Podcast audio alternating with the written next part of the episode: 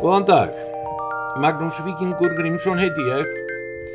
Hér er ég sestur við mikrofón í Þorlóksrödd til þess að lesa úr bókminni sem ég hefi valið nafnið Talinn Galinn en hún eh, stiklar í, á, í, á stóru og smáu um lífslaup mitt. Ég hefi ákveðið að byrja á formála bókarinnar þar sem maður segir og heitir af hverju að skrifa um lífslaup sitt. Og ég minn síðan gríp í bókina hér og þar og þetta verður spilað á hamingju rásinni sem stendur yfir í þólásöfn næstu daga. Eh, hef ég þá lesturinn. Inga Dís, kona mín, var nýlega farin úr húsi til að keira drenginu okkar í skólan. Að því loknu er hún vön að fara beint í vinnuna eins og hún gerði einni í dag. Ég rýs upp úr hjónarúminu án þess að kveikja nokkur ljós en var ekki farið að byrta af degi og því nokkur dimt í herberginu. Ég geng inn á baðherbyrgið, skrúar frá sturtunni eins og ég er vanur á mornana, klæði mig úr nærbuksum og sest á salernið. Læt næturbönuna líða úr mér meðan vatni í sturtunni er að hittna.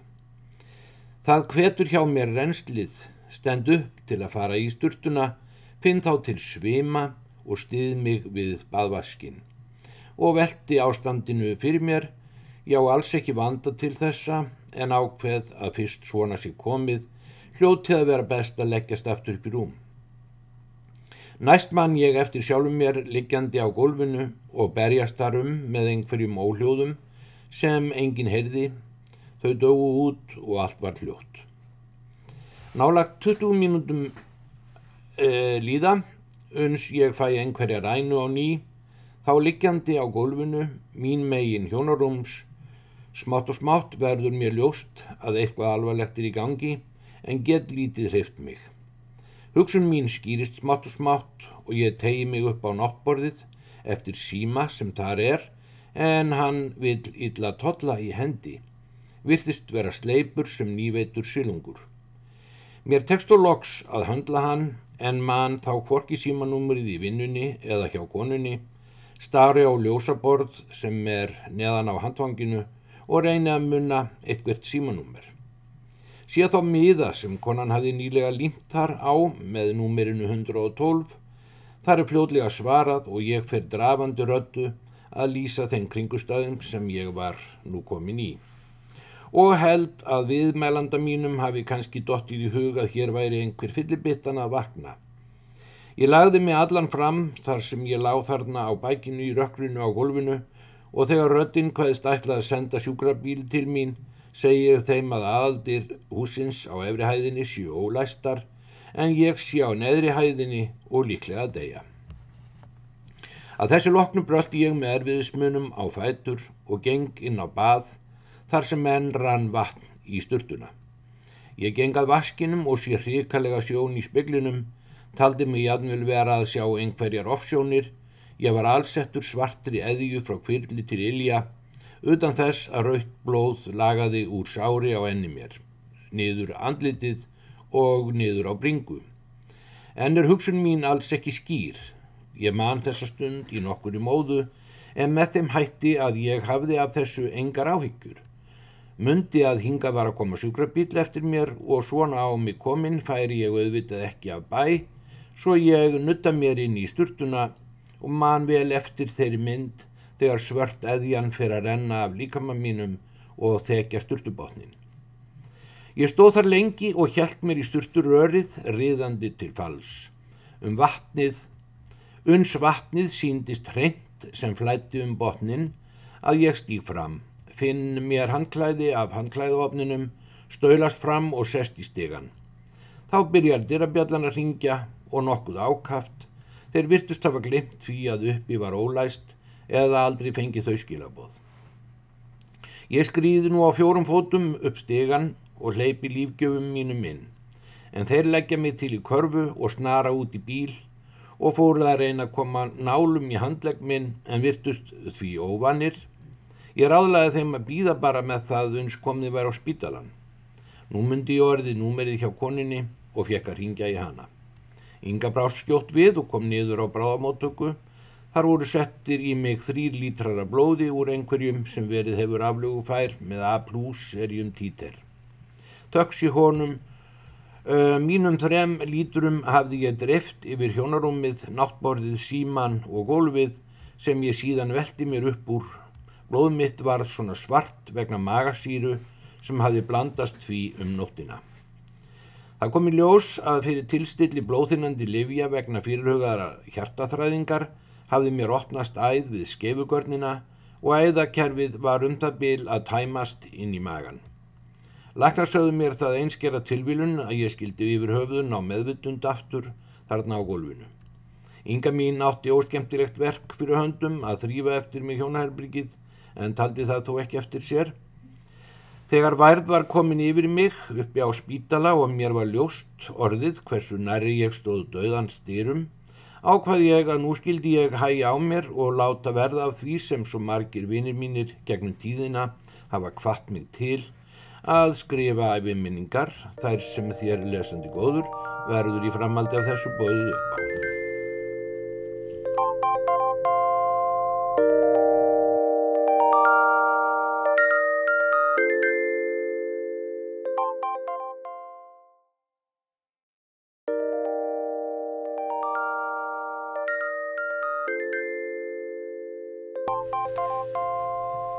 upp á. Jæja, nú ætla ég að grípa niður þar sem að um, ég er uh, að verða 12 ára og fóröldrar mínir ákveða að flytja til þólagsöfnar þar sem nóga vinnu var að hafa og er ekki meira heldur í búskapnum á brúsastöðum. Þessi kabli heitir einfallega þólagsöfn. Sem fyrir segir hafði pappi í vor fengið leikt herbergi á heimili fjarskildsættingja sem var Gvendur Grái eins og hann var venilega kallaður af Þorsbúum og konu hans Þorbjörgu, Oppu.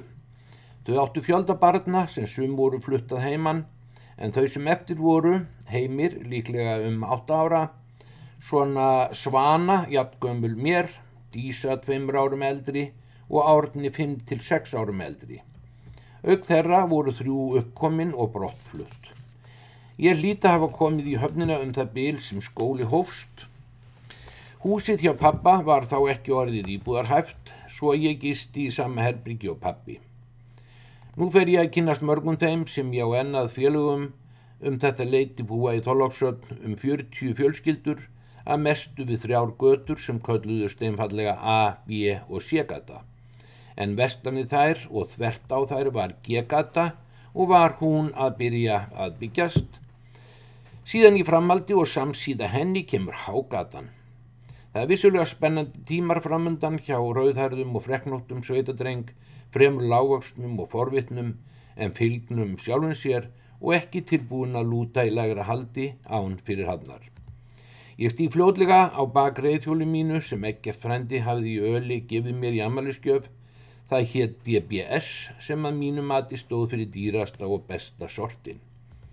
Ekki var ég langt á vegkomin einn mildan og fagran haustdag þegar ég rekst á klíkuna. Þar sem hún satt á garðsvegg sem umlugti lóð Gwendar Gráa og Gessa gamla.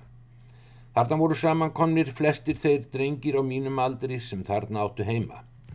Ég stöðva hjólið og virði fyrir mér frekar óárennilegan drengjahópin í misjaflega gödugum og stagbættum lopapeisum. Magnús heiti ég en kallaði Maggi, segi ég.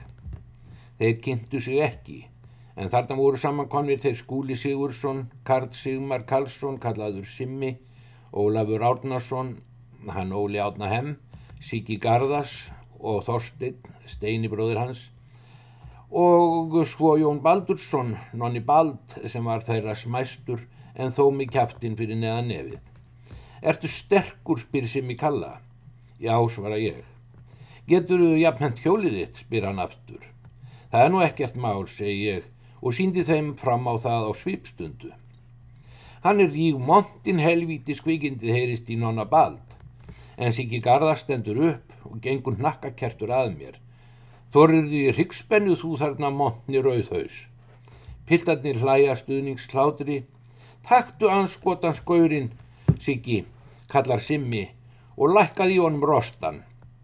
Þetta voru móttökurnar sem ég hafi hlakkað svo til og mér var engrar undan komu auðið og við tókum utanum hver annan. Siggi undir áhins orðum félaga sinna en ég fullur kvíða. Hvað ef ég hefði nú fjandanskaurinn? Þá myndu þeir eflust ráðast á mig allir sem einn og stein drepa. En sá ótti minn reyndist ástæðu laus. Siggi var saman rekin og nöyt sterkur og ég gekk emjandi á braud. Klíkan kallaði góðlátlega á eftir mér að vera framvegis ekki með neitt helvíti sterring. Enga hafði ég nú mömmuna til að vorkina mér, ítla tapaða baráttu dagsins og ekki var pappi heldur líklegur sálu sorgari. Skólinn hófst fljóðlega eftir ég kundi þólarsatnar. Pappi lagði nótt við dag við smíðar heimilisokkar og við vorum sem fyrr segir í fæði og húsnæði hjá oppu og vendi. En um leið og híti komst á fór pappi að sofa þar en Árni Grái var þá herbergisfélagi minn og gekk á með ímsu. Árni var nokkuð blöytur og því fylgdu ótrúleg uppáttæki. Einhverju sinni sitt ég við eldúsborðið að læra heimaverkefnin og við hinn endan situr oppa og er að sauma. Þá heyrum við að upp stígan stöylast maður skref fyrir skref og þeim greinilega æði þungum. Loks kemst hann upp og inn fyrir ganghurðina, inn í herbergi sitt og því næst kemur gríðalegur dingur svo húsið nötraðu á skalf. Lertau glamraði í hyllum. Æ, er hann árni minn fullur núna, muldrar, oppa mæðulega og víst var svo Hann slangrar inn í eldhús og, okkur, og virður okkur fyrir sér. Já, hérna, þú hefur fengið þér svo litið neðan í því árni minn, segir Oppa. Hvernig dettur er það í hugkjalling, segir hann og grýpur um ból saumavélarinnar og sveiblar henni yfir höfði sér svo efnið sem Oppa var að sauma úr, úr blaktir eins og fáni á stöng yfir höfðum okkar. Sú gamla var veraldarvön og full aðruleysis og bað svon sinn leggja frá sér vélina. Vélina, appar hann upp. Þykist þú vera orðin vélstjóri, kelling? Ég velti fyrir mér hvað ég gæti gert málunum til bjargar og sögi svo valsmannslega sem mér var und. Reyndi meira að segja að dimma röttina til að vera meira augrandi. Já, ert ekki bara til í það, orði minn, að leggja frá þér sögmavélina. Hvað segir strák skratti? Ert þú kannski velstjóri líka? Eða ertu kannski bara lærlingur hjá kellingunni? Kvílík mæða að eigast líkan svon, hugsaði ég, og vorkendi oppu af öllu mínu hjarta og hétt sjálfum mér að svona skildi ég þó aldrei verða. Ekki voru það íllindi sem þarna réðu gerðum árna. Þetta var einfallega bara hans húmor. Hann lagði loks frá sér vélina svo oppagat haldið áfram að sauma og ég að læra. Árni fór eftir nokkur dröfl inn í herbyrgi sitt, sest á rúmstokksinn og reykir. Þegar mér þótti nóg lært pakka ég saman námsefninu í gamla skjálatösku sem tóraði nafi minn hafði átt, enda klukkan orðin 11 að kveldi. Ég fyrir inn í herbyrgi og sest á rúmstokkin mín megin og þá blasti við ástæða dingsins mikla. Á gólfinu var feikna mikið bjarg, á starfið eldhúskoll, þegar komið með það hlutverk að vera fótskemill árna, þar sem hann satt á rúmi sínu. Sérðu það ekki, elsku drengur minn? Árni hafði fyrir um kvöldið verið á kendiri út í raunni, eins og kalla var, og á leiðinni heim yfir dimt raunnið finnur hann hjá sér þörf til að setjast og kvíla sér stundarkorn og tillir sér á stein. Þegar hann svo stendur upp áttar hann sig á því að þarna er aðbarað steinn og ákveður að hafa hann með sér heim. Þeir eru orðinir félagar. En nú er svo komið að mistarinn með fætur sínar á steinskemlinum góða er orðin tóbakslaus og segist ætla að skreppa niður í kaupfélagsjöpu og kaupa sér síkaretur. Ég segi honum að búið sér að loka henni en hann telur svona strák gemning ekkert hafa vit á því og arkar á stað út í nóttina. Þar sem ég vissi að búið var að loka ákveð ég að fara í humátt á eftir honum en komin hálfa leiði niður eftir byggutunni er mér orðið kallt, snífið og skrýðundi sæng. Þegar klukkan vekur mig með háværu gargi morgunin eftir hrítur árni grái í sínu fletti en á gólfinu við hlið hans eru nokkur kartón af kamel. Lörglunni reyndist auðvelt að rekja spórin fyrir að Árni hafði brotið upp afgreðslulúuna og skriðið inn og þar sér hann í tungsljósinu lindubuff, býtur í þau eitt af öðru en líkar ekki bragðið, skirpir bitunum á gólfið en flegir buffunum út og varða af svo mikið hrúa að enginn komst fram hjá þegar opna skildi sjoppuna daginn eftir. Efalaust hefur Árni verið staðrán í því að borga þetta daginn eftir en myndi bara ekki eftir því hvar hann hafði komist yfir allt þetta tópak. Ekki myndi hann heldur hvernig þessi stein var komin á gólfið og átti erfitt með að trúa sögu minni. Ekki síst þar sem nú gatt hann ekki loftað honum og taldi því líklega að ég hefði sjálfur borið hann upp. Þegar fjölskyldan fer frá brúsastöðum tvistrast hún sem fyrir er sagt.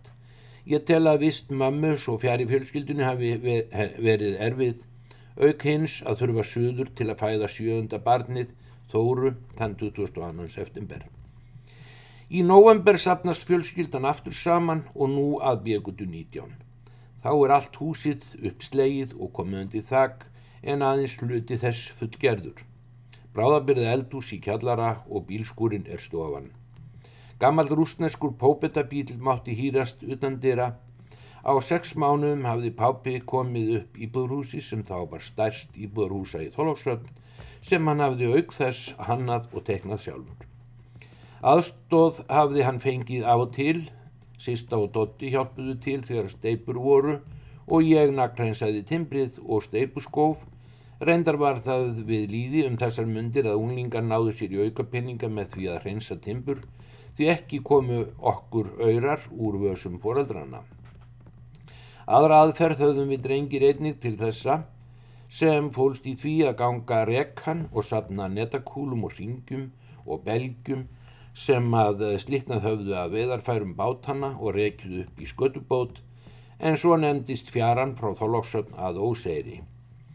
Oft máttum við, uh, þegar vel sapnaðist, bera þungar byrðar heim en það borgaði sig. Því að útgerðarmenn kiftu þetta af okkur mögluna löst og greitt út í hönd en það höfðu þeir ekki minni haga þessu heldurum við. Trúlega hafa þeir greitt okkur svona 10% af nývirði. Einhverju sinni kom upp svo hugmynd að með, meðalokkar drengjana hvort ekki væri auðveldar að fara bara ofan í einhvern bátina að nóttu til og ná sér í bland í poka og selja í annan bát daginn eftir og losna þannig við allt rekapuðið. En hugmyndin fjallum sjálfa sig því sumir í hópnum voru sinniskipstjóra og auðvitað kom því engin bátur til greina. Þegar við komum til Þólagsafnar er þar nýbjúður skóli. Honum stýrði Gunnar Markussona mikill í einurð og festu. Hann flutti og tók við skólanum 1962 en hafði næstu sjö árin þar á áður verið skólastjóri á Húsabakka en næstu fjögur þar á undan á flúðum í Hrunumannarreppi. Gunnar og kona hans Sigurlaug að Stefansdóttir áttu fjögur börn, Hildi, Þór, Stefán Jafngannan mér og Ágústu tveimur árum yngri og þótti þá stúlkna fegurst í bænum auk þess að vera afburðarhress, velgefin og skemmtileg, en það átti síðar eftir að myndast um hana samkettni meðal ungra pilda í þólásöld.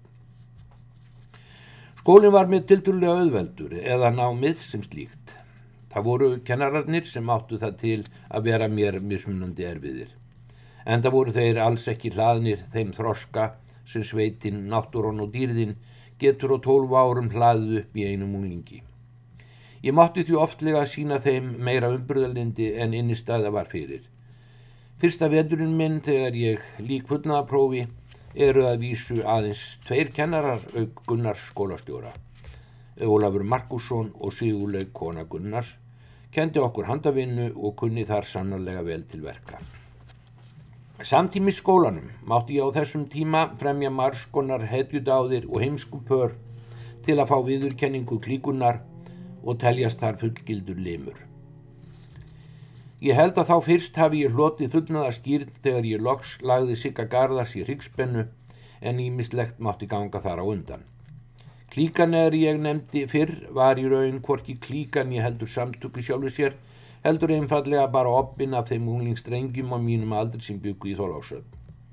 Flestir voru þeir sem þegar hafa verið nefndir frumbyggjar en Tólóksöld sem bær eða þorp er aðeins jafngamalt mér og var þá í örri stekkun. Næga vinnu var þar að fá, tengda veiðum og fiskverkun og var lífið eins og í öðrum sjávarþorpum saltfiskur og meiri saltfiskur. Á hverju ári fluttust fjölmarkar fjölskyldur til hafnar. Það þýtti fjölda nýra húsa í byggingu og fjöldi nýra nefnenda í skólan og einn og einn dreng á okkar aldri sem ég var síðan áhorfandi að er þeir leituðu yngöngu í hópin. Ekki ólíkt því sem ég síðar á lífsleiðinni fyldist með í æfa fordri og nafntóðari reglu sem ég gekk í. Helsta man ég þar þá Hjört Gíslason og Davíð og Davíðsson. Gísli og Gíða, foreldrar hjartar, komu frá hrundpríði í grafningi og byggðuðu skáhalt á móti okkur í byggutu 22. Þau voru reyndar nokkru á undan okkur en þó enn að byggja er viðflytjumst. Með þeim voru börn þeirra sem ekki voru fluttað heimann eða Siggi, Jónína og Ella, auk hjartar auðvitað. Hjörtur var ári yngri en ég en með okkur tóks samt sem áður fljóðlega vinnotta og bröðluðum við margt saman. Siggi Gísla var það eldrið að hann átti litla samlið með okkur, hirti. E, Siggi átti skellinöðru, líklega þá einu í höfninni og naut virðingar fyrir. Síðar átti hann líka villisjeppa sem um tíma var á nokkuð stærri dekkjum að aftan en framann og gerði það verkum að bílinn hallaðist fram líkt og stæði hann í brekku. Ungur maður, uh, ungur drengur spurði Sigga til hvers þetta væri. Nú fattaru það ekki maður, það er til að hann geti runnið í ganga á jafnsléttu. En þannig voru þá allar götur í þólórsöfn og auk þess eitt algengasta vandamál bíla að vera treyir í gang. Drengnum fannst fyrðulegt að pappi sinn skildi ekki hafa átt að segja á þessu snjallræði. Við hjörtur komumst að því að sækir fjarlagðar í milli okkar þyrtum við að koma okkur upp samskiptakerfi milli húsana og gróum því saman vafða sprengjuvýra undir göduna og leitum inn í herbyrgi okkar og þar á výra endunum tengdum við háþróað morstæki sem við smíðum upp úr gamlu útvarstækjum og allskynns ljósum og rofum. Þannig gáttum við með blikkandi ljósum sendt skilabóð milli húsana, raukt blikk fyrir morstafina þá grænt millistafa og síðan var flauta sem notu var til að gera vart við sig og ljúka sendingu. Þetta var auðvitað afar seinvirt og rak fljótlega að því að við völdum frekar þann kostin að lappa bara yfir. Kanski ekki tilvilun að hjörtur gerðist síðar rafvirki. Innfætti armur okkar félaga kendi okkur hinnum aðfluttu að geta skreið sem útgerðarmenn hengdu upp á trönur sínar til þurkunar og síðar til útflutnings til Nýgaríu. Til þessa þurftum við að eiga nýfa eða dálka sem fengust í köfylæginu og hurfu einhvern veginn þaðan, nokkur veginn jafnóðum og þeir komið þar í hillurnar. En það var eitt af því sem við nýliðar urðum að læra að stela úr köfylæginu. Mér reyndist það erfitt svona fyrstu, fyrsta árið en svo vandist það, en það ómögulegt að haldast í klíkunni nema kunna þar sæmilega til verka því að þar fannst svo margt sem við þurftum að nota og vasapenningar hrukku ekki fyrir. Enganlega battir í vasaljús, perur, selgeti og dálkar. Kaufilegið var í fyrstu eini staðurinn þar sem við gátum hist. Þar voru við nokkri samankonvið eitt sinn þegar uppkemur svo hugmynd að ég fari inn á hjólinu. Einn heldur opnum dýrónum en hinn er hanga á böglabæranum og íta mér áfram svo ég réði af að litlu um framvindum mála. Hjólið bara æðir áfram millir rekkana, stýrið gekk yðurlögin í hillurnar með þeim afleðingum að úr þeim sópaðist allt sem þar var. Auðvitað reyndi ég að beigja út í hvert sinn er okkur bar fram hjá útuhrudinni en tókst ekki og það þýtti nýjan ring og við mikil fagnaðalæti drengjana. Loks fannst þeim nóg komið og stukku út en einmitt í þann mund var allt starfsfólki komið á vettvang og veittist að mér eins og ég ætti alla sök á þessum fjanda. Það var varla hægt að ganga um gólfinn því nánast allt var hrunu úr hillum. Ekki ólíkt sem þarna hefði sjálfur Suðurlandsskjáltin riðið yfir í öllu sínu veldi. Kaufélagstjórin gerði mér grein fyrir því að ég væri ekki velkomin í þetta hús aftur. Síðar um daginn ligg ég í bæli mínu upp í Herbergi og les námsbák aldrei þessu vant. Þegar pápi minn gengur þar inn, æði brúnaþungur og spyr nokkuð svona yfirvegaður hvort ég skammist mín fyrir það sem ég hefi gert í dag. Ég lít upp úr bókinni og beint í augu hans með undrunarsvip. Hvað meinar þau? Það hefði ég auðvitað ekki átt að gera, því nú trillis á gamli á augabræði. Efalaust hefur honum nú dotti í hug gamla triksið að raskjalla mig en trúlega efast um að valda því heldur þrýfur í axlir mér og keirir mér stjórnlust ofn í dínuna og les mér pistilinn þannig er ég vil ekki hafa hér eftir. Þegar framliðu stundir skildi ég reyði hans en verst var að áður en að því kom gaf ég þessum annars friðsela og góða manni æði oft tilefni til að vita ekki sitt rúkandi ráð. Í annan tíma vorum við nokkrir samankonmir í kaufélaginu, stóðum við afgreysluborðið og hældum dísu vendar gráa fyrir fegurð sína og glæsileik. Og tókst þannig að gjörspilla aðtikli hennar meðan Steppi Gunn sem stóð aftan með hann að lætti grip selli krumlu sinni inn eftir brjósíkurshillunni og tók nokkra poka. Síðan tókum við allir á sprett út og lindum ekki fyrir henn niður á bryggju þar sem fengnum var bróðurlega skipt og steppa hrósað fyrir teknileg vinnubröð. En er ótalið mikilvægt atriði sem ég skildi læra. Ég þurfti að læra á stelpur, en uh, það var mér vissulega framandi og ekki löst við að ég kendi nokkrar eftirvæntingar. Kvöld eitt rann stundin upp, en frumbyggjarnir áttu sér ákveðin stað til þeirrar yðkunnar sem sé inn í sambandshúsi. Tvær stúlkur buðu sér gjarnan fram en endur gjaldslaust. Þeim hefur eflaust eins og okkur fundist þetta svo litið spennandi. Við drenginir vorum fimm eða sex og fórum þannig létt með að spenna upp eina af rúluhurðum húsins, loka aftur með keðjunni og klifra síðan upp á mjúkar strigapokastæðurnar í döfri skímu sem þarna var.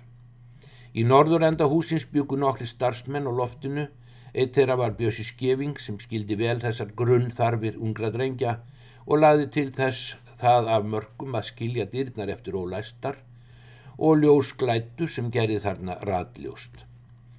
Drenginu voru fljótur að hlaða upp pókonum nokkur skonar byrgi og stúrkunnar gerðu sér klárar. Svo má tú vera fyrstur mæki. Hvort heldur sem aðtæfi þetta flokkaðist undir hetjudáði eða heimskupör er ég ekki klára á. Þá var það nú svo að flestir okkar stoppuðu stutt við enda hverjum og einum ekki ætlaðu langur tími. Þó man ég að einn var sá í hópnum sem þurfti lengri tími en aðrir enda líklega þroskaðri en við hinnir en honum duði líka bara einu umferð. Á framlið köfilarsins voru feiknarstórar rúður, útstillingargluggar og millir þeirra voru voldugir trepóstar Dag einn er ákveðið að stopna til nývakast keppni eftir lokun kaufélagsins. Þar mættu þeir sem töldu sig keppnisfæra, aðrir voru áframundur, en færni í nývakasti réði talsverðu um valdastöðu okkar í hópnum. Það krafðist tölverðar likni að kasta þessum nýfum þannig að ottur færi fremstur frekarni skaftið og enn meiri hæfni þurfti til að hitta af fjögura metra færi í postin en það glundi oft í rúðunum. Trúlega vann engin sérstakur þessa keppni en það mann ég að þegar henni laug voru rúður begja vegna pósins brotnar þrátt fyrir gríðar miklar kastæfingar næstu daga undan og eftir. Kanski ekki beinlinis í framaldi af þessu heldur eitthvað sem koma skildi. Til þess var félagskapur sem, sem skildi heita snúrsker en stefnumál hans var enganlega það að skera niður snúrur hjá leiðinlegum kerlingum í þorpinu. Settar voru leikreglur sem allir skildu fara eftir. Hver sáir tekur þátt í aðtæfi þessu skal bera vel bríndan dálk stólin úr kaufilaginu og verði einhver gripin skulu allir berjast sem einn. Engin játa neitt og standa saman um að lúskra á viðkomandi kerlingu. Leikreglur voru eftirfærandi. Sjáist blaktandi þvottur á snúrum, þá er þar tækifæri og þannig skildum við sína karlmennsku okkar að reyða upp nýfin, dálkin, hlaupa undir snúrurnar með þeim hætti að allar skærust þær í sundur í einni ferð og þvottur lægi í jörð. Óvænt kallaði Baldvin kuffilastjóri okkur peiana á teppið einn daginn og vildi vita hvar við hefðum og hvernig egnast alla dálkarna sem dingluði í slíðurum sínum á beltum okkar. Já, einn hafði fundið sinn í fjöru, trúlega rekið frá sökvandi skipi. Annar hafði fengið sinn í jólagjöf frá föðurömmu sinni sem gekk í galagbuksum. Þriði hafði stólið honum frá föður sínum, býði nú við greip Baldvin inn í, þið viti vantarlega að maður stelur ekki því sem mann langar í, drengir. Ekki aldeilis, þá voru við sko allir mikið sammála um og svo áttum við allir svo ríka pappa að engin okkar hefði nokkra ástöð til að stela. Þar með var málið útrætt, fundist litið en hegðan okkar drengjana helst óbreytt. Öðru mikilvægur hlutverki gengdu dálkartir einnig hjá okkur. Á góðviðri stögum á höstin fórum við í fiskitrönurnar úti á raunni og skárum okkur þunnildi af sneiðinni en þetta var á bragðið eins og íllaverkaður harfiskur og mér þótti þetta hreinlega vond en let mig hafa það eins og ímislegt annað til að falla betur í hópin.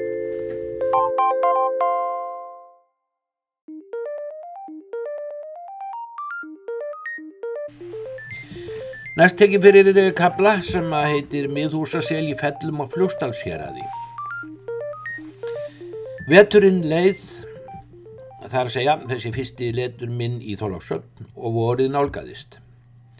Móður mín hafði lítilega kynst hjúgrunarkonu sem byrna hétt Sveinsdóttir frá miðhúsaseli í fellum.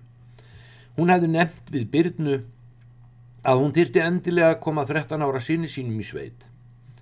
Birna hvað skildu aðtúa það við föður sinn með þeim afleðingum að hann ringir í mömmu og drengurinn er ráðinn.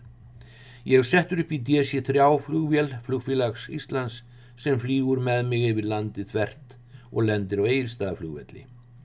Ég ráfa með bokan minn um flugstöðuna þegar að ungur maður spyr hvort þar fari Magnús Grímsson. Því að honum hafði verið sagt að drengurinn væri með eldrautt hár og mikið freknóttur. Slíkur var aðeins einn með þessu flugi. Þessi maður var Þóraðin Sveinsson, nýjútskrifaður búfræðingur frá Kvanneri og engasonur þeirra Sveins og Bjargar á miðhúsaseli. Þar sem ég sitt aftur í villisjappanum á leið upp fellin, gerðist það nokkuð oft að augu okkar tóta mættust í baksínu speklinum. Hann var þá að virða fyrir sér kaupamannin nýja, en ég um leið að skoða hann, fyrir mér þótti hann vissulega sérstakur í andlitsfalli. Leið okkar liggur upp hjá Ormarstöðum þar sem byggu hjónin Einar Einarsson og Margret Tórænsdóttir á samt síni sínum þórarni. Síðan var ekið um vextlóða milli melhóla sem hlaðið, um hlaðið á refsmýri þar sem bjóð gumundur með þýskri konu sinni Ullu með þrjú börn áfram yfir þolleifar á og loks í hlað á miðhúsaseli. Það er blíðskapar veður íbúður húsið nokkuð snirtilegt á einni hæð hvítmálað með rauðu þæki. Fyrir utan það stendur fullorinn maður, grátt hár, hann stendur sem stríi allar áttir og hann stendur þarna keikur og brosandi og mér virðist hann aðeins bera tvær tennur í munni sér. Eina í korum gómi sem standast þó ekki á. Þessi maður er að taka á móti nýjunda sumarpilti sínum þetta vorið. Það vissi ég reyndar ekki þá rétti honum hönd mína og kynnti mig nokkuð ákveðin að fyrir sögnum ömmu. Hann eh, leiðir mér fljótlega í bæin þar sem Björg húsfreyja sittur í eldhúsi eitthvað að fást við mat. Hún virtist mér nokkuð eldri en hann en góðuleg var hún og tók vel á móti mér.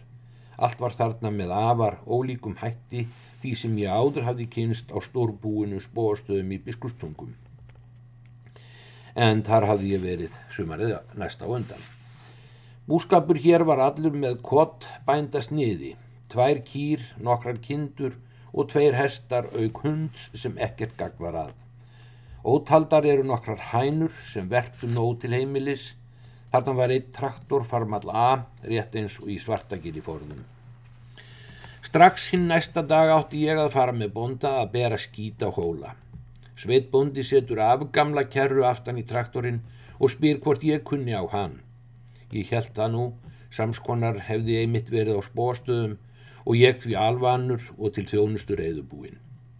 Saman mókum við með taðkvíslum úr fjósögnum uns nóg þótti komið í keruna og næst átti ég að laka út og söður á tiltekið tún en þau voru um 15 talsins, smá skæklar millum melhólana, ég stoppa samkvæmt bendingum og Karlinn mókar smá hrúu aftur úr kerunni sem dreifa skuli úr síðar. Kúpringin var eitthvað öðruvísi en á spóastæðavélinni svo að ég rikki af stað svo að Karlinn sem stóð í kerunni dettur. Mér verður litið aftur um það bil sem hann er að ná jadvægi og átta mig á að hann muni hafa dottið í skítin en það leindur larvar hans því ekki. Mér bregður við og snarbremsa með þeim afleiðingum að Karlinn fellur aftur í skítarhúuna og nú á andlitið. Þá flög mér í huga nú væri líklega rétt að taka til fótana og hefði sennilega gert ef ég hefði haft hinn að minnstu hugmyndum í hvaða átt skildi hlaupa. Karlinn bröldur aftur á lappir og sá þá í kóruga tönnina en hann segir mér að keira aðeins áfram þar sem hann ætli að móka næstu rú af kerunni. Með lítilli tiltrú baði ég nú til Guðus í fyrsta sinn síðan hann hjálpaði mér ekki að finna kýrnar og brúsastöðum forðum. En það kom fyrir ekki, eins og ég hefði svo sem mátt vita, því Karlinn dettur aftur og traktorinn drefra á sér. Nú fannst mér ekki síður ástæða til að hlaupa því nú myndi sá gamni steindrepa mig og senda mig hann heim í poka. En mér til gríðarlegs léttis heyri ég þá að hann er hlæjandi, þar sem hann situr á skítarhúunni. Þá verður nú bara spennufall hjá mér og ég fer að hlæja. Líka, og þar sem ég heyri að hann bætir í sinn hlátur, þá missi ég alla stjórn á mínum og við hlæjum þarna dágóða stund og reyndi spáðum erfitt að hætta. Loksaði hann að ég væri bölvaður ekki sinn klöyfi, snýri traktorinn í gang og kemur sér aftur fyrir í kerunni. Ég held að mér hafi svo sem ekki gengið svo mikið betur en fyrr að taka nú af stað, heldur var Karlinn bara viðbúinn. Þannig kerðum við á næstu dögum fjó, út fjósauðin í smá skömmtum, í smá hrúur á smáu túninu hans sem sér hvert bar nafn sem átti sína sögu. Eitt var leiningur af því að það leindi svo á sér, annað ártegur og þriðja sel sem síðar segir frá.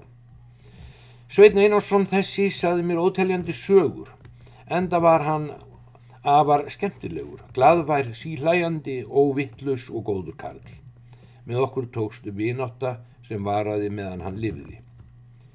Að þessum skýtverkum loknum sem og dreifingu á útlendum ábyrði á túnskjæklana fer Sveitn á eigilstæði þar sem hann vann virka daga sumars, eftir þetta allt til sláttar. Þá daga mátti ég hjálpa Björgu húsfreyju við eitt og annað, hún var ólík manngerð bonda sínum og hlóum við sjaldan saman. Lífið fyrir henni var meiri alvara en svo og aug þess tótti henni bondi sinn full kærulaus yfir búskatnum. Hún hafði ekki annan til að ræða sín mál við og því mátti ég hlusta á lífslaup þeirra hjóna og gefa álit mitt á þessu hínu. Verst þótti mér að móðin mín hafði getið þess við hana í síma að ég gæti verið lipur við uppvask og eldústörf og mátti ég talsvert líða fyrir þá lausmælgi móður minnar.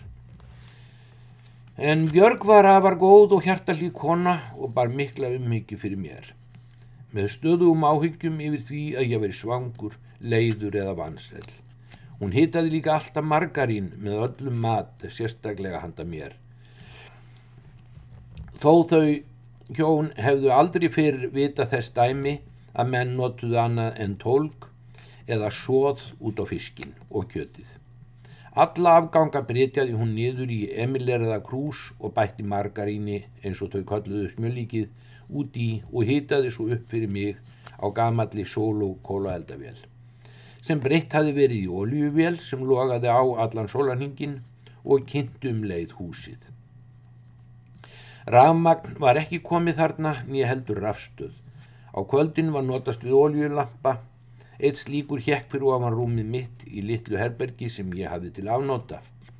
Húsu var byggt úr steipu og einangrað innan með reyðingstorfi, síðan múrað þar innan á Þessar kringustæður letu af sér kjör kringustæður fyrir alls konar skorkvikindi sem þarna þrifust í torfinu. Sem aftur fekk í sig mísmíkin raka utanfrá eftir veðurfari. Við ákveðna byrtu sólar eða í skíni lampans sá ég yðurlega veggina yðandi að lífi og áður en ég fór að sofa á kvöldin tók ég rúmföld öll og hristi vandlega og strauk veggi yfir rúminu. Áður en ég kom þarna hafði mér allatíð verið ílla við skorkvikindi en eftir þetta sumar hafði ég óbeit á þeim. Í herberginu var lítið gamalt trefbord og stóll, þar satt ég á kvöldin og skrifaði mömmu og sískinunum mínum bref.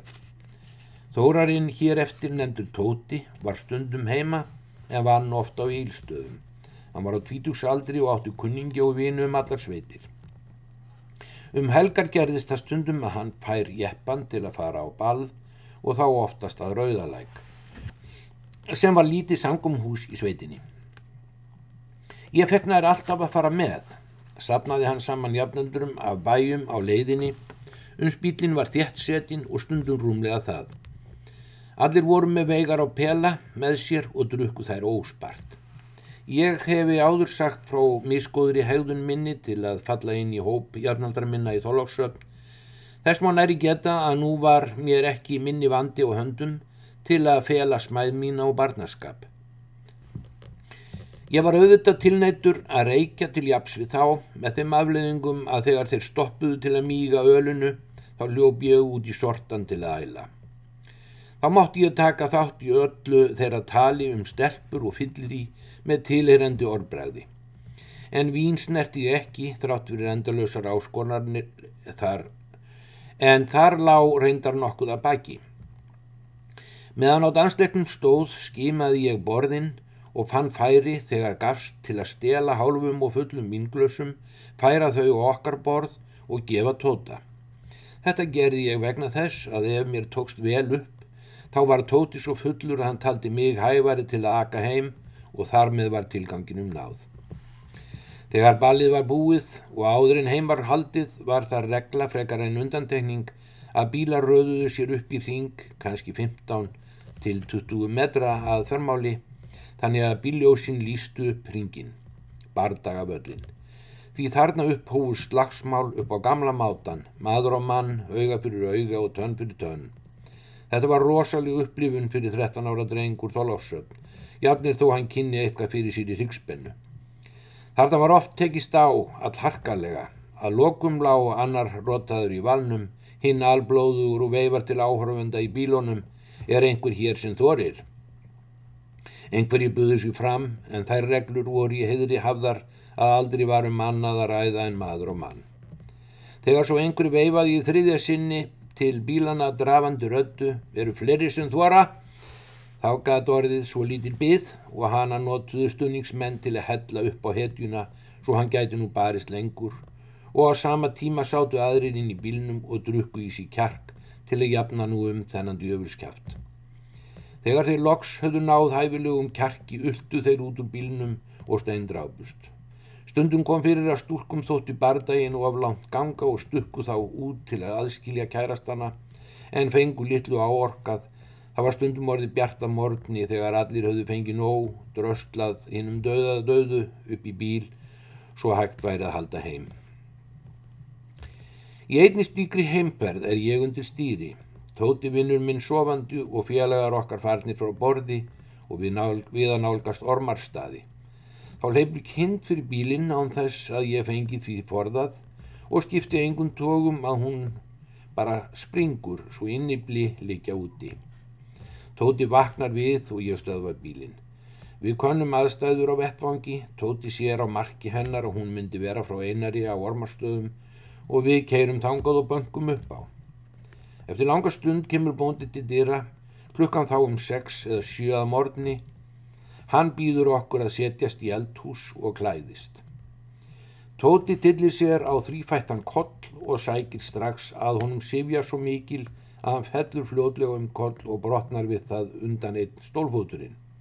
Hann vaknar við þetta, tillir löppinu undir og sest. Allt fór aftur og sama veg.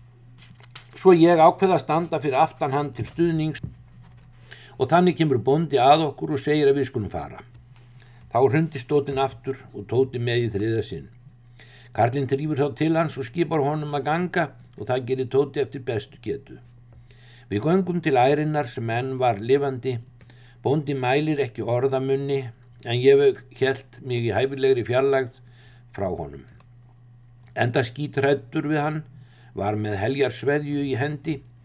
Hann var ekki lengi að skera kindin á háls og hausin af og sagði okkur að fara heim. Hann myndi sjá um þetta. Tóti egur það sem eftir var leiðar. En Tóti reykti að jafnaði pípu og ég sá að ég erði hann á fullum tökum á því líka og fann pípuhaus í einni eldurskúfinni, munnstikki í annari og slöngubút út í fjósi. Úr þessu setti ég saman mín eigin pípu og bara að jafnaði á mér. Þetta minkaði líka aldursmun okkar tóta verulega. Við settum saman og fengum okkur í pípu og það voru góðar stundir, engum eftir ég var hættur að æla í kjörfærið. Einhverju sinni tjáði sveitbundi mér að hinga væri von á manni sem ætlað var að meta fátækt fólks til sveita, gera einhvers konar úttækt á þessum málum. Sveit hvaðst ekki myndu vera heima þegar hann kæmi en lagði mér að mikill í natti til hugmyndir um hvernig og hverju ég skildi svara ef fulltrúin myndi spyrja mig. Það gæti hugsanlega olti nokkuð á því hversu mikinn styrk hann fengi frá ríkinu. Þar kom að ókunnur bíl rann í hlað en slíkt var ekki algengt. Þessi maður var einn á ferð og hitti fyrir húsfreyju og gekk til bæjar. Þegar ég svo kem inn til að fá minn drekkutíma, sitja þau saman við eldhúsborðið með alls konar pappýra sín í millum. Ég flýti mér að nærast og ákveða að það muni bú, búinu fyrir bestu að ég hitti þennan mann undir fjögur augum. Það kom að því að fátakrafulltrúin hefur lokið sér af og kemur út á hlað. En þar beigð ég húsbóndahollur. Þegar og um leið að Björg hafði lokað karldýrum á eftir komumanni byrtist ég fyrir enga tilviljun. Við skulum nú sjá, segir hann. Þú munt vera hér sem sumarpiltur og hvernig líkar þér vistingóði? Hann tekur síðan til við að rekja úr mér gardinnar og þá fyrst fannst mér ég fá tækjafæri til að vinna fyrir sumarkaupinu mínu og nú var aldeilis tækjafæri til að nýta sér frásagnargleðina frá því ég var að afgreða bensín á spóastöðum í fyrra. Nú skildi það gert með öfugum formerkjum. Hvað eru margar kýr hérna, venni minn? Það eru nú bara tvær, segi ég, en önnur er reyndar búin að vera döð síðan ég kom í vor. Hann byrjar að skrá í bækur sínar eitthvað og spýr um fjárfjöldan. Ég veit það nú ekki, þær voru farða til fjalls þegar ég kom hér. Hvað með hænsni, eru þær nokkrar? Jú, þær voru nokkrar en vegna fóðurskors vertu þær bara svona á tveggja vikna fresti og eru ekki nöðvita þá orðin fúl og varlað hundurinn vilji geta þau, þó svoðin séu.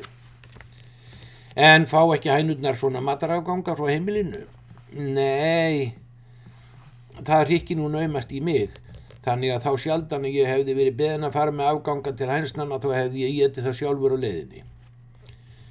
Við áttum langt spjall og þar kom meðal annars fram að ég væri íðurlega sársvangur, en hér væru þó allir sérlega góðir við mig. Þegar þessi sendibúði ríkisins kvarfa braud fór ég að hlakka til helgarinnar er sveit kæmi heim til að kanna hotlustu þegna sinna og þegar hann kemur svo á förstags eftir miðdag heim eftir að hafa hlaðið grótgarða alla vikuna fyrir nafna sinn sveinbónd á eilstöðabúinu, gengur hann til fjárhúsklöðu þar sem hann hafði grafið í heifyrningar síðasta árs bruggkút sem hafði gerjað undir hita þeim sem myndast þegar heið ornaðist. Á loknum kvölduverði þegar sonurinn er farin burt að skemta sér og Björg gengin til náða setjumst við sveit við eldúsborðið og eina ljósið er flögtandi byrta upp á milli ringjana í plötu eldavélarinnar. Sveit Bondi hafði nú engan annan að tala við en rauðherðan freknóttan 13 ára dreng frá Þorlóksöld að vísu nokkuð lífsreindan en annað var bara ekki að hafa. En þessi félagskapur var Sveini Bondan ægur. Hann síbri drúgt á gambranum, hlær dátt, segir mér sögur og spyr margs, engun þó um hvennfólk og eitthvað það sem því við kom. Fyrir kom að sásauka stunur heyrðust innan úr hjónaherberginu frá björguminni blessaðri og bað hann mig þá gerðnan að gá hvort hann að vanhagaði um eitthvað. Það gerði ég auðvitað með kertaljós í hendi og færði henni fram í framhaldi vasklas eða mjölk. Ég ger mér ekki grein fyrir því þá að heilsa þessari rákjættu konu var langt gengin. Ég sest aftur inn í eldhús hjá Sveini sem er komin í stuð. Hann segir mér frá öllum þeim drengjum sem fyrrum vorið höfðu ráðist til hans til sveitastarfa en gefist upp hver á eftir öðrum. Og snemma um vorið var hann komin með þrjá og ætlaði að láta þá valta nýræktina með því að íta undan sér 200 lítra tunnu fylltri vatni. Þetta reyndist þeim erfitt og líjandi en það kom að því að tveir gáðust upp og stukku til fjalla. En einn helt áfram, sá hétt Axel og kláraði flægið sem síðan heitir eftir honum, Seli. Þeir höfðu hlaupið í burtu hver á eftir öðrum og þess vegna myndaðist rými fyrir mig. Sveitn verður hreyfur og kátur, hlær hátt og bætir í sögurnar. Nokkur sinnum kemur það fyrir að hann við höfur orð sem ég skil ekki og hefur þá af því gaman. Hann segir stundum, já skilur þú það ekki í drengurinn minn. Mér fór að gremjast þetta og langaði að snúa dæminu við og þar sem ég er að segja honum frá stelpunum á fristúsloftinu sem komur svo víða að til að vinna í fiskinum, veldur það einhvern veginn upp úr mér að versið þó með þær hversu þjóstóttar þær séu flestar. Aha, eru þær það? Já, sko, þú segir nokkuð. Þær eru svona þjóstóttar, ég hver anskotin. Hann staupar sig enn, ég gapi og geispa en neyðist til að sitja yfir honum fram á nótt. Og síðar um kvöldi segir hann, já, já, Magnús minn, þú segir þær vera þjóstóttar þarna á loftunni hjá ykkur. Já, já, segi ég, og, og farin að kvíða hverju ég skuli svara, fari hann að krefja mig um útskýringar. En það ger hann ekki. Helgin, helgin líður hjá og sveit fyrir aftur til eigirstaða að hlaða garda. Næsta förstu dag endur tekur sig sama komedían og þá segir Karlinn Já, drengurinn minn, þú saðir að þær verðu þjóstóttar hann á fristúsloftinu. Já, reyndar saði ég. Aha, er það bara algengt með þær? Já, til þess að gera, segi ég. Og slepp enn hjá frekar í útskýringum þanga til þar næsta förstudag að samræður okkar eru rétt að hefjast þegar Karlinn spyr umbúðalöst og lemur í borðið. Hvern anskotan ég meini með því að stelpuna séu þjóstóttar. Hann er búin að spyrja hvern einasta kæft á eilstöðum og þar sé búið að fletta hverja einustu orðabók. Nú var ég í skyndi að upphugsa einhverja skýringu. Nú skilur þú það ekki, Karlinn minn? Það eru jú stelpur sem gefa svo nýmislegt í skín en vilja svo ekkert meira. Já, þú segir aldeilis nokkuð, segir Karlinn og þetta þurfi hann nú aldeilis að segja sveinin nafna sínum og eilstöða búinu. Mér fannst ríkja meira jafnræði með okkur og eftir. Sveit gæt líka þessum, í þessum ham endalus spurt og farið yfir hvað ég hefði sagt fátakrafullur á honum. Og hvað saði hann þá, spurði Sveitn og hló mikinn. Þetta þurftum við æði ofta að fara í gegnum, fram og tilbaka, því oftar sem ég rætti samræður mínar við fátakrafulltrúan, því ánaðari var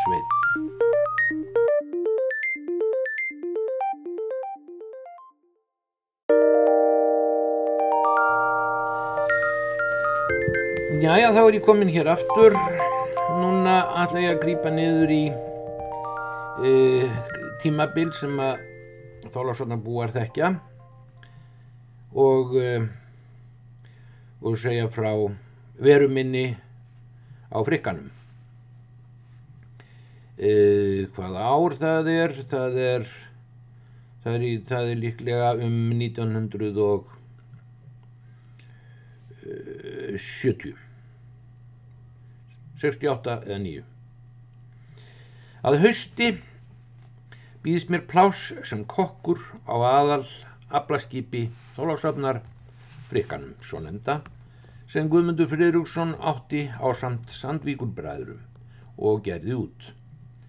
Pappi hafði verið þar kokkur á vertíðinni meðan ég var á klang og þótti góður. Frikkin var á trolli í tvo mánuði, það var líti fiskir í og oft landlegur. Þröstur Þorsteinsson var stýrimaður og tóks með okkur góður vinskapur. Ég legði af honum bílskúrin og var þar með mekkan minn að dunda við eitt og annað í honum í landlegum en leguna greitti ég með því að smíða hörð fyrir bílskúrin. Þetta var til þess að Gvendur býður mér að vera kokkur hjá sér á komandi vertíð og því var ég fljótur að taka enda skipsplássið tali með því besta í flótanum.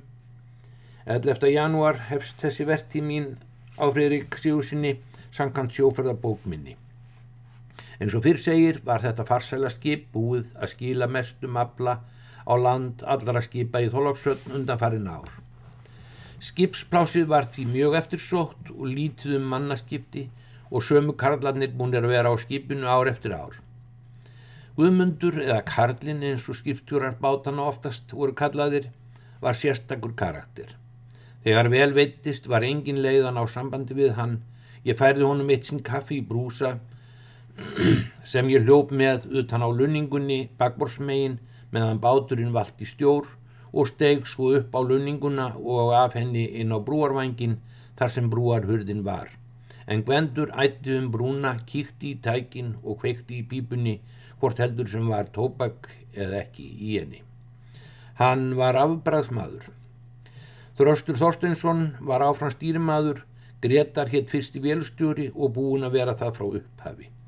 Hann hjælt vel utanum verkfæri skipsins, sagan segir að einhverju sinni hafi báturinn leiði Bryggju, með honum að vinna var Oddfreyr frá Litlalandi sem var annar velstjóri. Oddi þóttu kærulaus nokkuð að minnstakosti miða við Gretar, nema hvað þeir eru að reymbast við að losa spilkoppin af. Gretar hafði til þess sótt heljarmikla rörtung ofan í vél sem aldrei hafði verið notuð áður, þó jafn gömul væri hún bátnum. Þeir leggja spáðir á rörtöngina og með þeim afleiðingum að hún skreppur af og hendist í sjóin. Greip þá Gretar um höfðu sér og hljóðaði upp en Otti saði þetta ekki gera mikið til og huggaði hann með því að hún hefði alla tíð ólán verið, helvíti stöngin. Ég mann líka eftir Daniel frá búði í Þykvabæ og Jóhanni bónda á felli í biskustungum. Jói svaf í kóju fyrir ofan mig. Hann var talsvert yfir 100 kílóa maður en kójurnar voru þannig gerðar að heilklætt var fyrir þær við smíðarnar síðan var sagað á þýlið gat svo menn getur skriðið í þær og út en jættframt tollað í þeim í brjáluðum veðrum. Strengdur var gardínu gormur ofan og neðan við gatið og á hann dreyið tjald sem menn getur lokað sig af. Botn kójunar var gerður úr panelfjölum sem hefðu rýrnað með aldrinum eins og flestu hættir við að gera. Í því fólst minn ótti. Því þegar ókýrt var í sjó og Jói lág í kójunu á sama tíma og ég þurfti að liggja í minni, þá svignaði botnin svo undir karlinum að ég hjælt hann myndi á hverri öldu brotna niður yfir mig. Við þetta stækkaði rýmið í kójunni hans til muna en minkaði að samaskapi hjá mér með þeim afleðingum að kójurnar blésu eins og búrkfalir. Hans kója sogaði meðan mín blés og síðan öfugt. Ef ekki var dreigi fyrir hjá mér þurfti ég að halda sænginu og lausa hlutum á sama tíma og ég sopnaði með hendur og fætur undir botninum. Á móti kom að fyrir ofan mig svaf áhyggjulaus og æðrulaus öndvegis maður sem áallt var fyrstur til að ljúka lofsvar orði á matargerðina mína.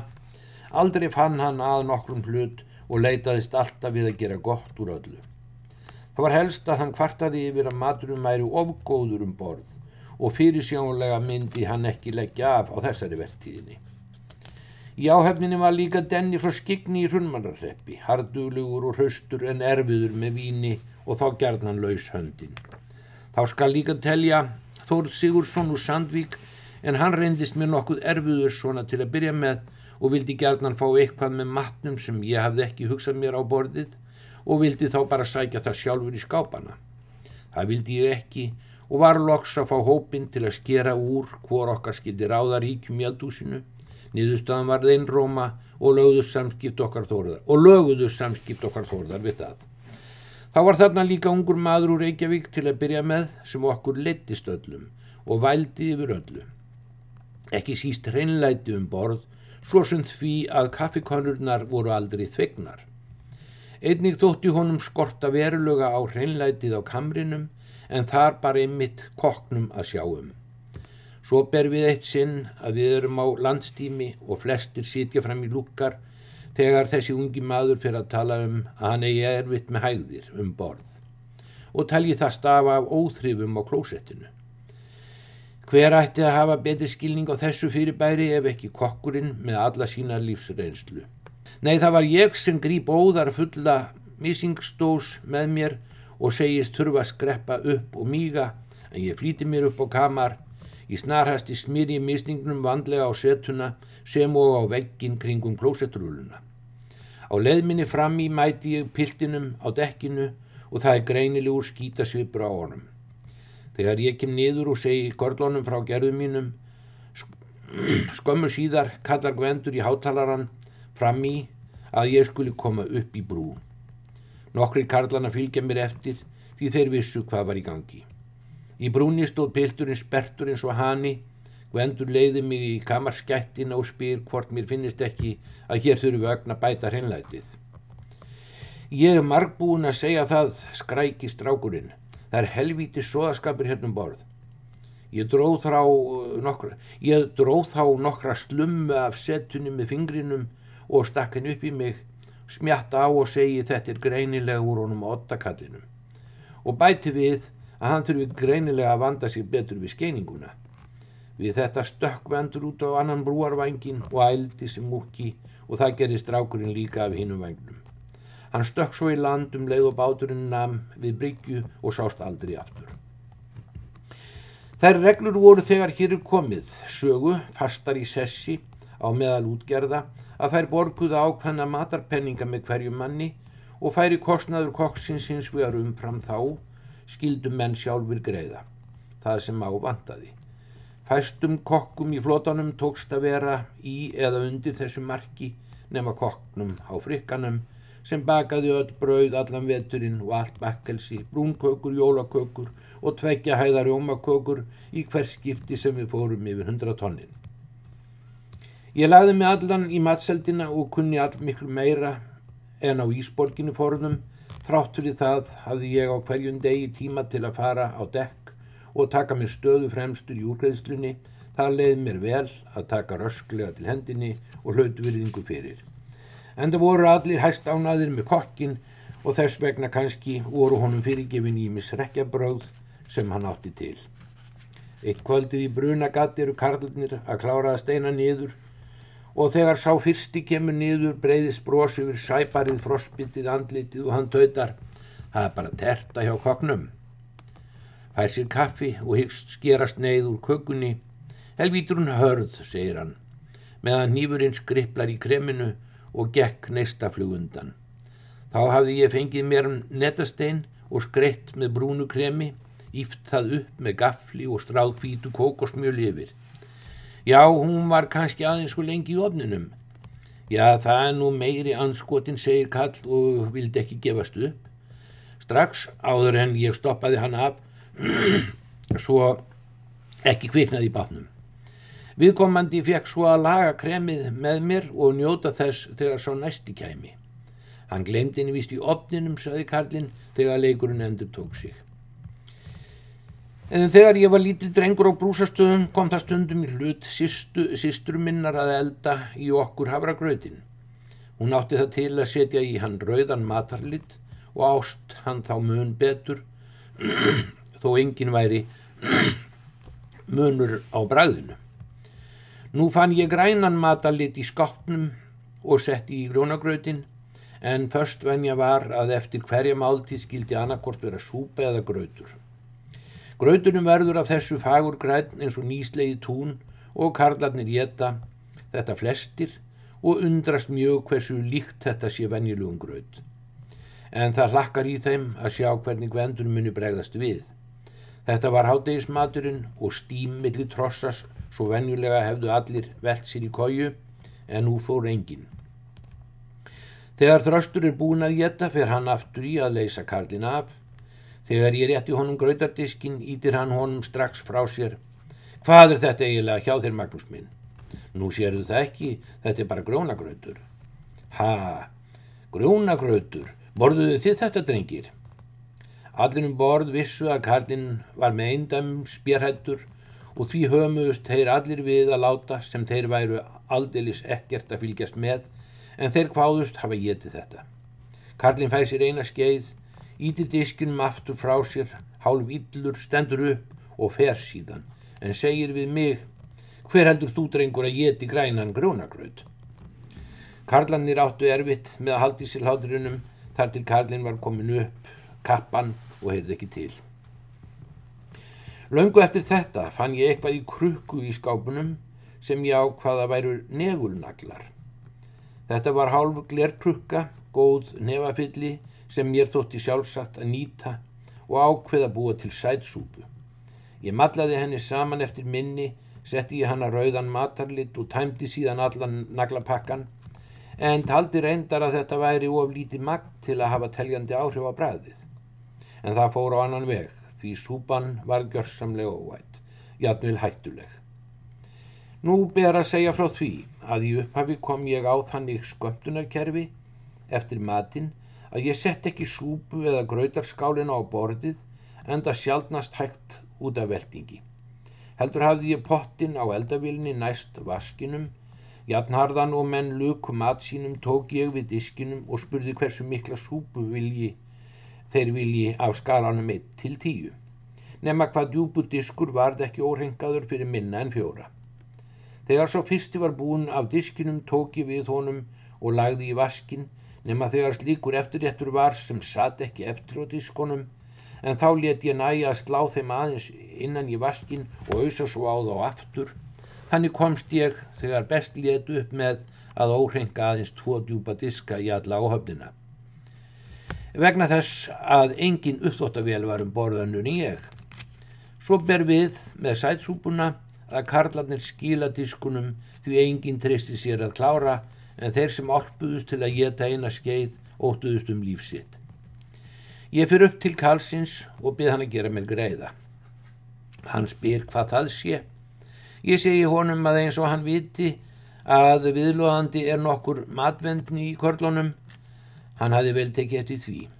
Ég saðist hafa gert þessa fínu sætsúpu sem þeir, þeir eru eitthvað að setja út á og af því að ég er nú búin að gera þér svo margan greiðan datt mér í huga að þú ætir súpuna og hefður orð á hvað góð hún sé.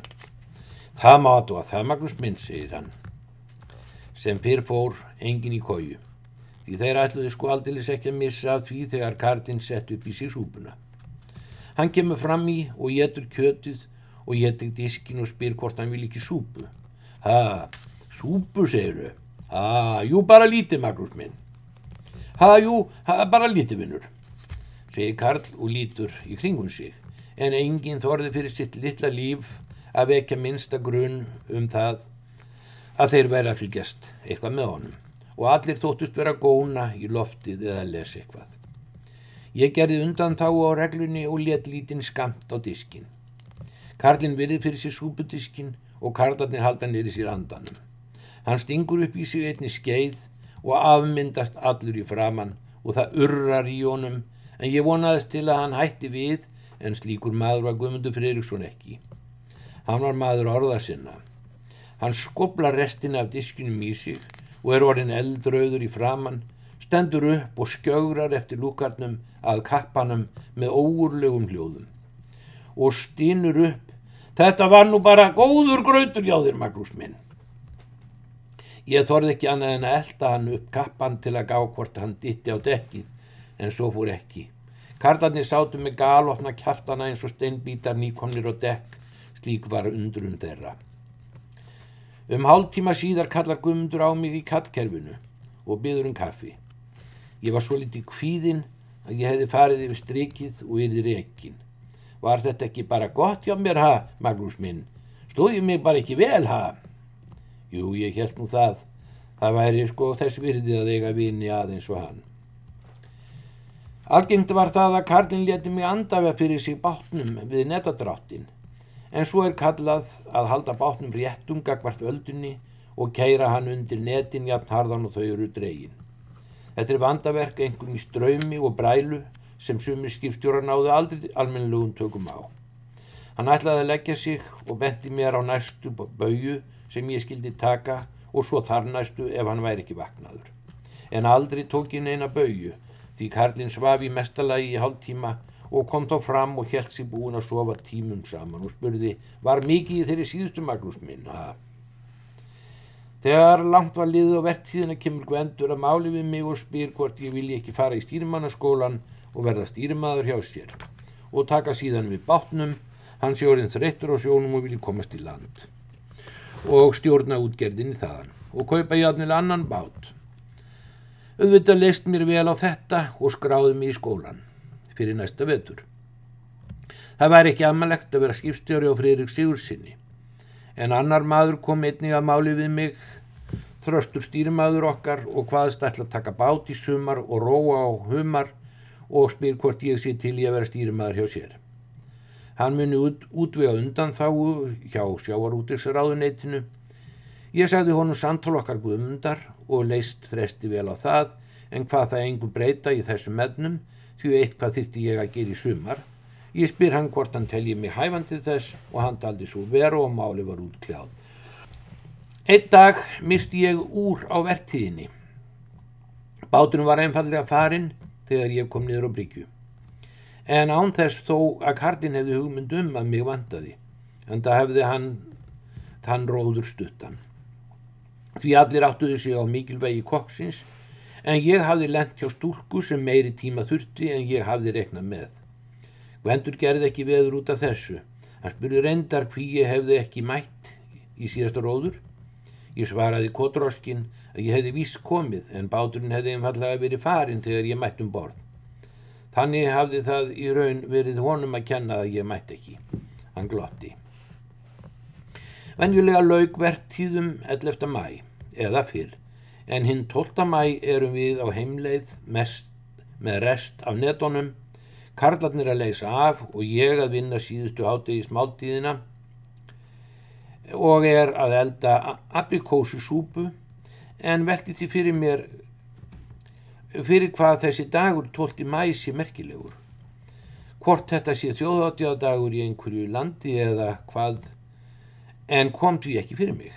Allt í einu löst því þó upp í kollinum. Dagur, dagurinn er auðvitað fæðingardagur koksins og þar með stökk ég undir kottan minn þar sem ég átti lítra af vodka og heldi því öll út í súpuna en bragðið breytist undra lítið. Engun saði ég frá þessu en það var glatt á hjalla í lúkarnum skömmu síðar menn hlóðu að hverju því sem sagt var og höfðu ekki hugmyndum að þær væru sætkendir. Þessi hópur hafði landarúmum 1400 tónnum af fiski síðustu tvo mánuði aðalega einnar nætur þorski. Báturinn var þriðja hæsti vertiðar bátur landsins en Grindvíkingur og Albert frá Grindavík voru með eitthvað fleiri tonn og börðust svo um toppin með að kokkarnir þar máttu gera sér að kaupa sóðningu í landi. En það sem mestum máli skiptir er að Guðmundur Friðriksson og áhöfn hans lagði inn langmestu vermætin og það veit ég að fyrir þeim afla var mun minna haft en á þeim skipum sem ég nefndi. Laun mín fyrir einn og kvart hlut þessa abla losuðu 200.000 en Gwendi fannst fara betur á að hafa það 250.000 þannig bætti hann að ég tel einni við hjá öðrum. Því hann vildi leifa áhöfninni að njóta verka sinna. Slíkt þekktist ekki á öðrum skipum en þannig maður var einmitt Guðmundur heitinn Fridriksson blessuð sér minni kanns